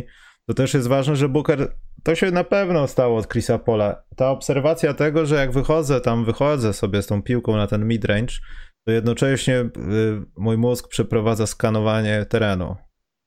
W sensie, jeśli dobrze ktoś się odklei od tej zasłony, pewnie, przeważnie jest to Aiton, to ta piłka od razu nie idzie na midrange, tylko jest ten pierwszy krok i idzie piłka do Aitona gdzieś na górę albo idzie coś innego. I myślę, że, to, że to, to też jest pokazanie pewnych rzeczy. Tak się mówi, że co, Devin Booker nie widział tego wszystkiego? No może widział, ale nie wiedział, jak może to zastosować i może nie wiedział, że ma z kim.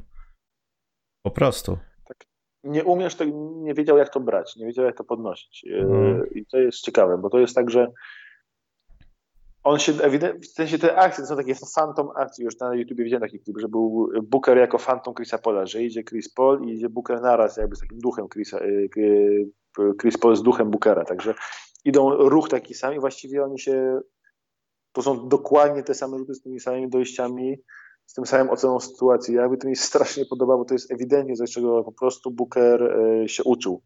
To jest coś takiego, jak e, w czasach, kiedy Steve Nash zaczął być, zaczął być odpowiedzialny za rozwój graczy w Golden State Warriors, jak Steph Curry zaczął, wchodząc po piku, brać e, swojego obrońcę tak na pół biodro, pół plecy, idealnie w stylu Nesha i stamtąd, i stamtąd mieć albo floater, albo layup, albo możliwość zrobienia kółeczka pod koszem.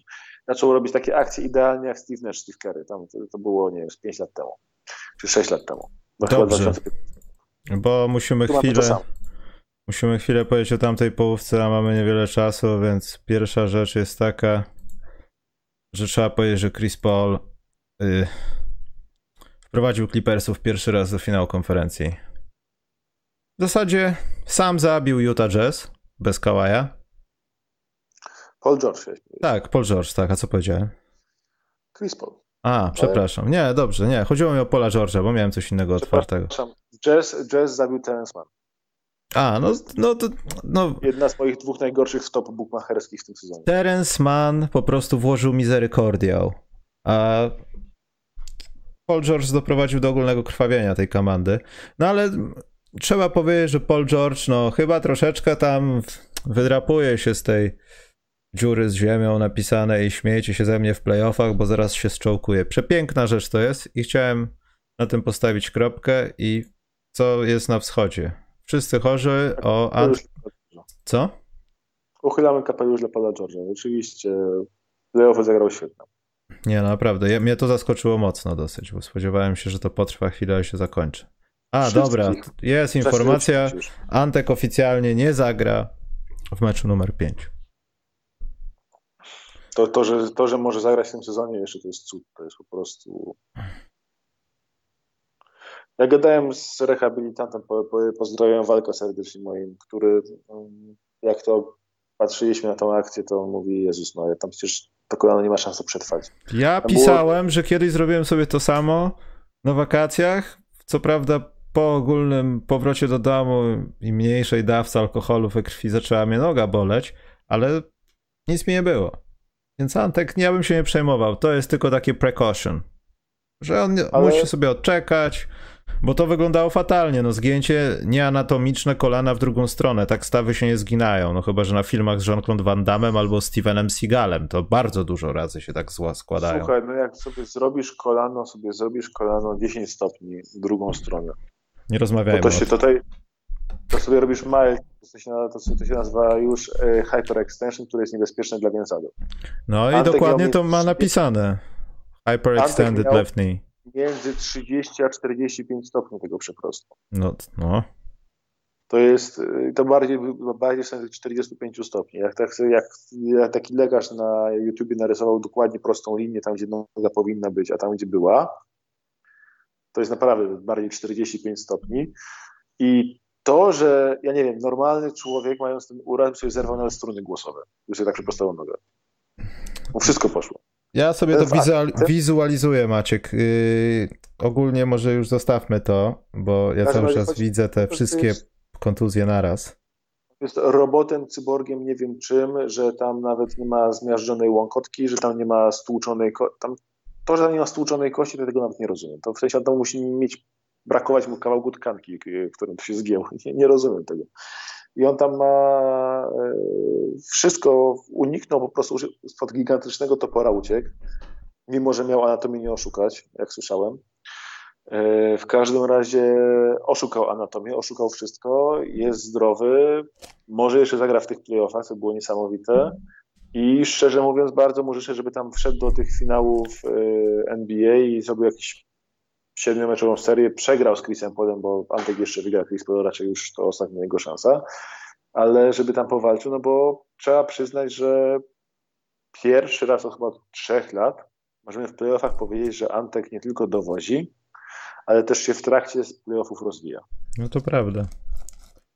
To, że on w Brooklynie odkrył to swoje takie granie na lewym bloku, że tak z lewego bloku dostaje piłkę tak przodem do kosza i on jest tak wielki, że trudno powiedzieć, czy to jest postaw, czy to jest jakiś po prostu taki frontowanie i gra, gra po dwutakcie, bo tam po jednym, dwóch kozłach yy, dostaje się do obręczy i właściwie tego się nie da zatrzymać. To są takie, nagle Antek ma pierwszy raz w swoim życiu swój go-to move na, na crunch time. Mm. Tam dostaje piłkę i stamtąd może iść do środka, może robić te swoje spiny, może przejść do tego takiego półpostapu, który powoduje panikę kompletną w obronach rywali. To się pojawiło w meczu z Brooklynem, to pojawiło się ponownie z Atlantą. E, I ja byłem ciekaw, czy on to utrzyma, czy da radę cały czas być tym go-to guyem i szczerze mówiąc też się spodziewałem, że no, Bucks już teraz będą właściwie szykowali się na Phoenix, a nie przerażeni, bo jestem pod dużym wrażeniem tego, że Atlanta w ogóle wygrała ten drugi mecz, to, ten, ten, ten czwarty mecz, a to, to jak go wygrała jeszcze bez Treyanga, 30 no. To jest, czy 30 nawet, to jest wstyd nawet nie dla e, nie dla Antka, bo Antek tam nie brał udziału przy tym dużym ranie Atlanty w drugiej połowie, ale to jest gigantyczny wstyd dla, e, dla innych graczy Bucks. No i też znak sygnału na to, że jeśli Antek nie wróci do końca serii, no to to się może powtórzyć, aczkolwiek wątpię w to bardzo, bo myślę, że układając cały gameplan bez Antka, będą lepsze efekty niż tracić go w zasadzie w najważniejszym momencie meczu, który i tak nam nie idzie i musimy gonić. Więc... Tak, ale ja przed tym meczem stawiałem, to jest moja druga największa wtopa. Moje dwie największe wtopy bukmacherskie w tym sezonie, takie potężne, to jest bardzo ostre pójście w jazz w meczu numer 6. gdzie mnie to po prostu Terence Mann zabił. I bardzo ostre pójście w to, że wygrają Bucks y, z Atlantą 8, co najmniej 8 punktami w tym meczu numer 4, bo obstawiałem akurat w momencie, kiedy poszła informacja, że Treyang prawdopodobnie nie zagra, ale nie było jeszcze potwierdzenia tego, że on nie zagra, więc bukmacherzy nie zmienili kursu. Tam był kurs na Bucks plus 8, był kurs yy, 3 i 1 w tym momencie, a czy 2,9, a pół godziny później było potwierdzenie, że Treyang nie, nie zagra, to już było kurs na Bucks plus 8, był kurs 1,9 czy 1,8 nawet. Więc ja trafiłem idealnie, mój postawie wszystko na baks. Wszystko, wszystko, wszystko. No ale dobrze, tak w żołnierskich słowach, to teraz co? Z Youngiem to jest po prostu przejazd po Milwaukee. Czy będziemy szukali czegoś Chrisa Middletona na 5 dych odpalonego? Czy nie? Liczę na pierwszy mecz jakiś Jaru Holiday'a, który pokaże, że jest wart 6 pików pierwszej rundy. A tu no sorry, ale... Milwaukee Pat Conaton sobie rzuca 80 punktów i wychodzimy na idiotów. No, no sorry, ja bym chciał, żeby Jaru Holiday pokazał wreszcie, że był tego wart i, mamy, i myślę, że na miejscu yy, Bada Bada, który według mnie powinien zostać zwolniony jako pierwszy, nawet jeśli Bucks grają mistrzostwo, to Bad powinien zostać zwolniony jako pierwszy trener w historii po zdobyciu mistrzostwa. No się po prostu tego gościa nie powinno tam być. On, atak, atak Bucks to jest totalna żenada. Gość cały rok robił gameplan na Milwaukee, na Miami Heat, a potem nagle trafili na Brooklyn Nets, którzy mają najgorszą obronę w tych playoffach chyba i tą, tą obronę wyciągnęli na Bucks. I teraz grają z... Chciał szukać przeznaczenia po prostu. Tak, i teraz grają z Atlantą, która też nie ma czym bronić, nie ma personelu do obrony. Gra Atlanta Hawks jest w stanie przeżyć grając w meczapie z Bucks naraz Huerterem, Galinarim i Collinsem. Ej, ale Huerter jest on fire ostatnio. To nie jest tak, że to jest patyk od kaszanki. On jest okay, ojej, odpalony super. jest. Huerter jest super. Ten Bill Simmons z Ringera twierdzi w tym momencie, że Huerter to jest gość, yy, to jest gość, który powinien być w kadrze USA na, na, na igrzyskach. Znaczy nie, no to, to, to trzeba leczyć takie teorie, nie? Troszeczkę. Tak, ale, ale pomijając wszystko, chodzi o to, że jak możesz przeżyć w obronie, wychodząc piątką, y, mając piątkę na boisku, gdzie masz Young, Kevin Huerter, Danilo, Danilo Gallinari, John Collins, Clint Capella. Przecież tutaj Bucks jedyne czemu nie zdobywają punktów, chyba to nie wiedzą kogo atakować. Mają cztery goście do atakowania. Mm. I Bat nie jest w stanie tego wykorzystywać w ogóle. Atlanta nie ma takiego ani jednego line-upu, w której może wyjść i nie mieć całej, nie mieć dziury w obronie. Atlanta e, e, Bucks nie mieli jeszcze meczu, w którym bezwzględnie atakowali w każdej akcji tre. Nie mieliby akcji, że nie wiem, że cały czas gra Konaton bez piłki screen na Janisa, taki, żeby mógł, musiał przejąć go Tre, albo żeby tam go atakował Jaru Holiday, albo go atakował Chris Middleton. Nie mają, nie grają tego w ogóle, nie atakują w ogóle Treyanga, przez co ten Treyang zagrał dwa absolutnie kapitalne mecze. Ten mecz numer jeden i numer trzy, nawet mimo że przegrany, były totalnie kapitalne. I, a oni, on nie powinien być w stanie się ruszać po pierwszej połowie, po tym jakby go atakowali akcja w akcję, akcja w akcję, akcja w akcję. A wiesz co się Maciek okaże? Wiesz co się okaże? Że tak naprawdę, no bo skoro nie podano, no to Trey Young i Clint Capella są questionable. No.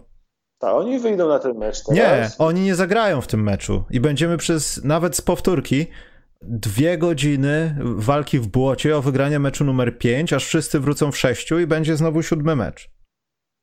Tak to widzę. Ja też, ja też widzę w tej serii 7 spotkań. Ja myślę, że ta drużyna, która teraz wyszarpie wygraną, w kolejnym meczu po prostu umrze, bo będzie jechała na oparach i potem będzie Game 7, który się skończy wynikiem w stylu 87-82. To więc powiedziałbym tutaj nawet amen. Przeszedłbym szybko do pytanek, Maciek, bo są dwa, pewnie oba do ciebie, nawet trzy są. Maciek Szetela ma do ciebie dwa. Nie możesz się doczekać? Nie mogę się doczekać. Wolisz takie poważne, czy mniej poważne? Nie ma poważnych pytań. Dobrze. Macieju, kiedy scout Rafał wjedzie z buta na post prime? To jest, jak, jak, to jest hejt teraz jakiś, tak? Bo ja nic nie wiem. To jest hejt dla Rafała i dla mnie. Ja sam napiszę tekst na post prime jakiś drafcie planuję wreszcie coś, wreszcie tą stronę w ogóle uruchomić ponownie, bo z Sebastianem mieliśmy, Sebastian zmieniał pracę, ja sam e, miałem e, masę roboty i wreszcie teraz, kiedy sezon NBA się kończy, możemy wreszcie zacząć znowu pisać co, coś idealne, fajnie.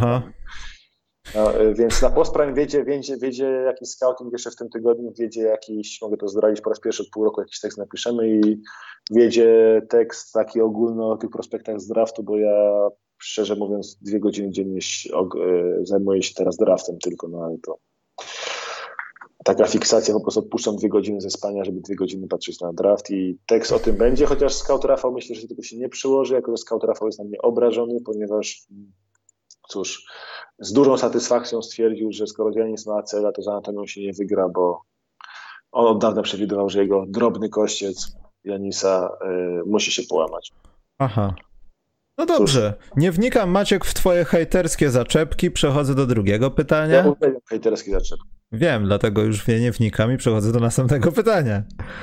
Czy Balcerowski powinien startować w tegorocznym drafcie, czy wycofać, czy wycofać się i spróbować za rok? Zanim Maciek odpowie, ja stwierdzam, że dla niego teraz nie ma najmniejszego sensu, żeby to robił, bo chyba chciałby tam się dostać, a myślę, żeby poczekać mógł jeszcze.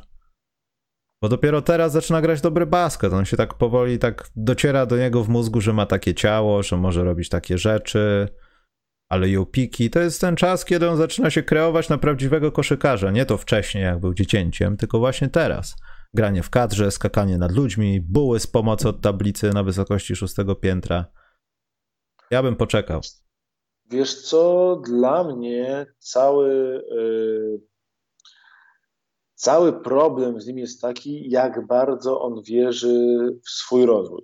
Bo on teoretycznie teraz go nikt nie, e, nikt mu nie wróży e, szans w drafcie.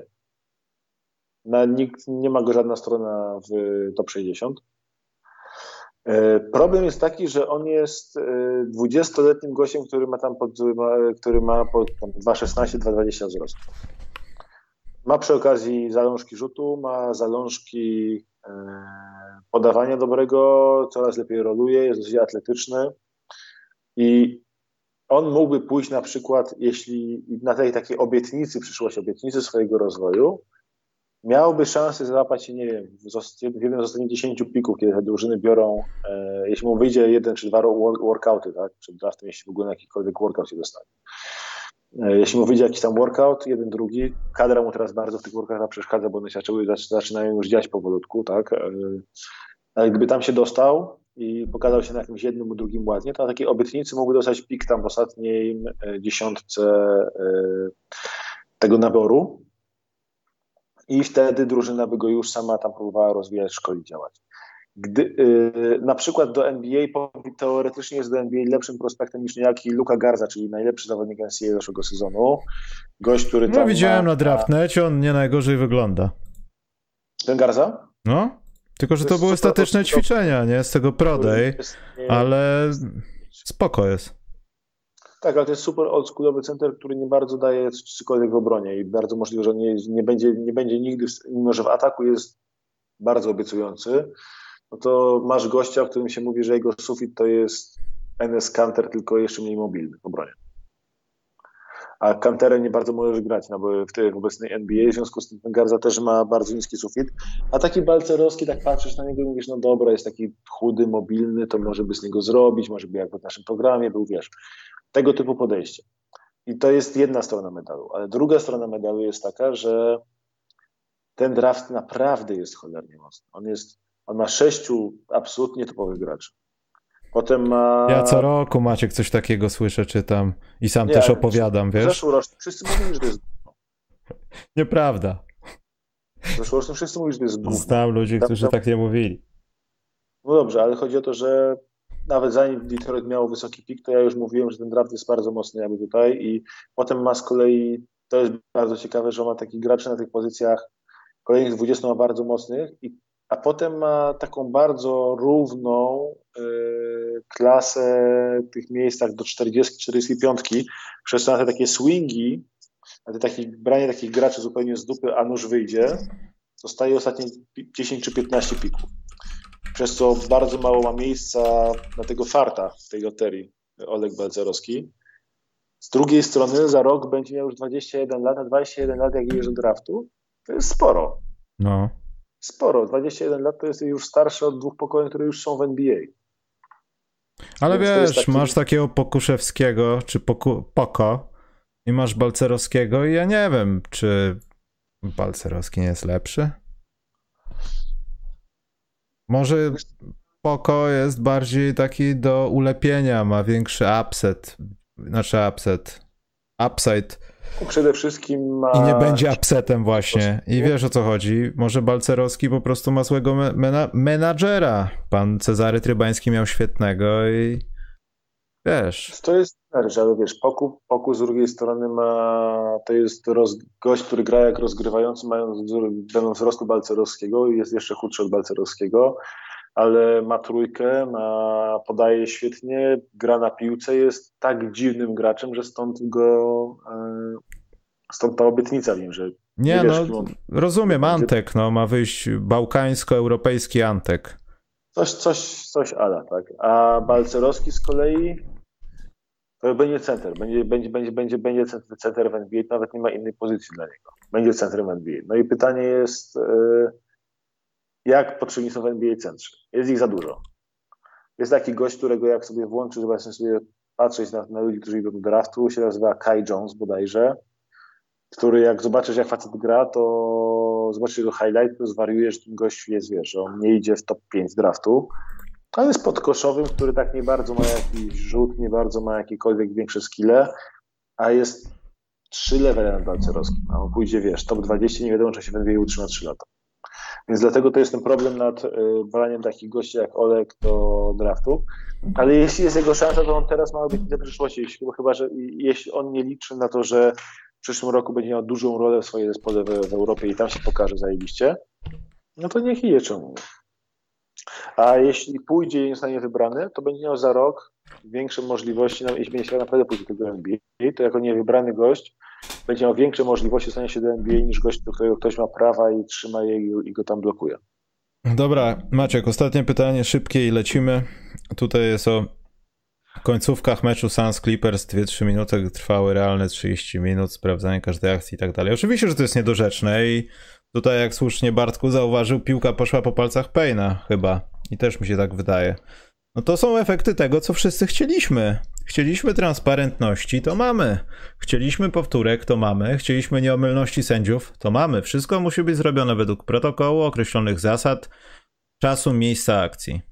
I sami sobie plujmy w brodę, znaczy my jak my, no to presja społecz- społeczeństwa nie miała za dużo do powiedzenia, ale na pewno zawodników, a to są naczynia połączone dosyć często, więc To jest jak z pasatami i kręceniem liczników, wiesz. No i umówmy się, że to był ogromny błąd NBA. Dla, no, rozmawialiśmy o tym podcastie, w którym że NBA jest w monstrualnym kryzysie teraz, że oglądając, wiadomo, w playoffach oglądasz końcówkę, ale, ale sezon zasadniczo oglądając, to ostatnie często ludzie wyłączają na ostatnie trzy minuty meczu, po prostu już nie chce mi się patrzeć. Jak w Polsce na przykład zarywasz nocy do oglądania spotkania, to siedzisz, siedzisz, siedzisz i mówisz, dobra, trzy minuty do końca, jest piąta rano, jeszcze będą 45 minut mecz, tą końcówkę międlili, dobra, idę spać, rano sobie obejrzę ostatnie trzy minuty. To jest mhm. taki kryzys, że to jest coś, co trzeba zmienić. Trzeba wrócić do jakiejś, dobra, będzie więcej błędów, ale kij z tym niech, yy, niech to będzie oglądalne, bo jest gigantyczny problem z oglądalnością w końcówkach. Ktoś jakieś takie ratingi znalazł, że jest mniejsza oglądalność końcówek niż yy, w ciągu meczu, co jest po prostu odwrotnością tego, co, co NBA chciało osiągnąć, tak? No co było jej yy, celem, jest w zasadzie. Co jest celem i to jest ciężkie, to się źle ogląda i to ja się zupełnie nie dziwię, że ludzie się tym denerwują i ja myślę, że NBA na to patrzy. Inna rzecz jest taka, że te powtórki, takie super szczegółowe powtórki, doprowadziły do kompletnego absurdu, bo najbardziej absurdalne y, to jest zasada, którą też próbują sformułować, podobno teraz myśleli nad tym, jak to sformułować, żeby tego uniknąć, jest to, że trzymasz piłkę oburącz w rękach po zbiórce i ktoś ci z tyłu ją cały czas, cały się przypieprzy, wywali ją w auto. I będzie na 99% piłka dla tego gościa, który ci ją wypieprzył z rąk. No, ale Bo to jest, wiesz, niuans. Nie wiadomo, kiedy straciłeś kontakt z tą piłką, kiedy on stracił tak, kontakt. To jest... to jest coś takiego, że ta super szczegółowa powtórka jest, to jest kompletnie nie z duchem z gry, bo yy, na przykład yy, Celtics, wręcz yy, w pewnym momencie ktoś się przyznał tam ze sztabu Celtics, a nie, wiem, Bill Simmons gadał z yy, sztabu Celtics, że oni wyszkolili graczy i polowali na sytuacje takie, że ktoś zebrał piłkę, trzymają w rękach i mu ją wybić w aut, w końcówce wybić ją w auto, bo wtedy jak jest taka super szczegółowa powtórka, to on wali w tą piłkę, ta piłka jeszcze wylatuje ci i po prostu, trzymasz piłkę, zahacza ci o czubki twoich palców. To jest kompletnie niezgodne z duchem gry, a gracze na to polują w końcówkach. Dosłownie są szkoleni po to, żeby polować w końcówkach na akcję, która na każdym boisku, gdybyś powiedział po czymś takim, piłka dla mnie, wybiłeś komuś piłkę z rąk i mówisz, nasz out, i został w ryj. w tej końcówce z kolegami. No, nikt by na to nie zwrócił uwagi. A, w NBA jest piłka dla gościa wybijającego i to jest kompletnie bez sensu i to jest właśnie wina tych powtórek, które tak super, super klatka po klatce dokładnie na wszystko patrzą. Według mnie to jest coś, co trzeba zmienić. Trzeba na przykład usunąć część tych powtórek. Sorry. Masz, nie wiem, powtórki nie będą przy rzutach, czy ten rzut został oddany za 3, za 2, czy ktoś wyszedł na aut. Ale niech, będzie, niech nie będzie powtórki, każde przerwanie akcji to jest powtórka. 9 sekund ostatnim meczu któregoś tego ostatniego trwało 22 minuty. Ale dlatego też mówię, Maciek, no, że wszyscy tego chcieli. Chcieli powtórek, to ją mają. No, chcieli mieć... Tak, byliśmy głupi, to był błąd, ale NBA jest wielkie dlatego, że się potrafi wycofać też takich błędów. No. Niech się wycofa z tego błędu, bo ten błąd po prostu jest irytujący. Ja na przykład nie zarywam, przestałem zarywać noce w playoffach w ogóle, bo wiem, że końcówki nie będzie mi się chciało oglądać. Będę marnował czas na końcówce, patrząc się, patrząc się na reklamę co chwilę. I na to, jak sędzia z 46 kątów ogląda z e, 46 kątów ogląda generalnie e, wylatującą piłkę. No dajcie spokój. Dajmy sobie pograć. To jest niezgodne z przyjemnością, z duchem z czymkolwiek gry. To prawda, chociaż większym błędem jest pozbycie się Spaldinga, ale to może kiedy indziej. Dobrze, no Maciek. Zobaczymy. Zobaczymy. Nie, miałem te Wilson. A chociaż nie wiem, jaki będzie NBA-owski. Zobaczymy faktycznie, może będzie jakiś lepsiejszy. Dobrze, to był przepiękny. 198, prawie 200 odcinków tragedii, chaosu. Detroit, basketball. Walić Detroit, kurczę, tylko Chicago. Nie no, smutek i tak, Detroit zdobędzie mistrzostwo wcześniej niż Bulls, to jest smutne. Dobrze, moi drodzy, to w przyszłym tygodniu może, znaczy na pewno ja z Wojtkiem, może Karol wróci z Litwy, ja właśnie nie wiem, czy oni tam, czy, czy oni Karola puszczą stamtąd. Różne rzeczy tam się dzieją podobno. Także tego, y, może live draft zrobimy z Maćkiem do tego czasu, ustalimy jakieś nowe warunki. Wideo, technologia wkroczy, zobaczymy. Ale... Live draft zrobimy w tym roku. Ja będę pijany od pierwszego piku. No, dlatego wolałbym tego uniknąć i znowu obcokrajowców, którzy mówią, żebyśmy przestali mówić i dali tylko wideo. No, ale to był rekordowy Nie, ja stream. W tym roku, w tym roku robimy live, live draft i po prostu to musi być. E, będzie pato stream, będzie alkohol z strumieniami, będzie śpiewanie, będzie tańczenie. E, tylko się nie będę rozbierał do kamerki, bo. No to, no to że tak powiem. Brzuchu nie, nie, nie, nie umożliwia. Że tak powiem, to róbcie. Ja z chęcią przyjdę jako gość. Ja nie będę w tym uczestniczył. Dobrze, poważnie yy, kończymy ten piękny, bo właśnie ludzie do, domagają się jednego słowa. Bardzo często mi mówią, dlaczego tego nie mówimy w podcaście, więc w podcaście oficjalnego chronometrażysty Ligi NBA. Chronometrażysta ludzi po, po, pociąga to słowo, Maciek. Ja nie wiem, od zawsze tak było i domagają się wręcz czasem. Ja nie jestem w stanie tego wymówić. Chronometrażysta? Nie wadą wymowy, ja bym powiedział, to by zabrzmiało jak mumble rap. No, jakby ktoś powiedział, kto nie wymawia R, to byłoby dobre. Tak jak rabarbar. Wiesz, wiesz, jak się mówi na tą chorobę, która uniemożliwia prawidłowe wymawianie R? Nie. To jest największa złośliwość świata u tych logopedów. W same Leranie. Dobrze, dobrze. Trzeba napiętnować jeszcze człowieka nieszczęśliwego. Jest fiutem, tak nazwać tą chorobę i mówię, powiedz, jak, na co jesteś chory. Lale, lale, lale. O, bawiąc uczy, ucząc bawi. Dobrze, lecimy. Trzymajcie się, dzięki za dziś. Czołem.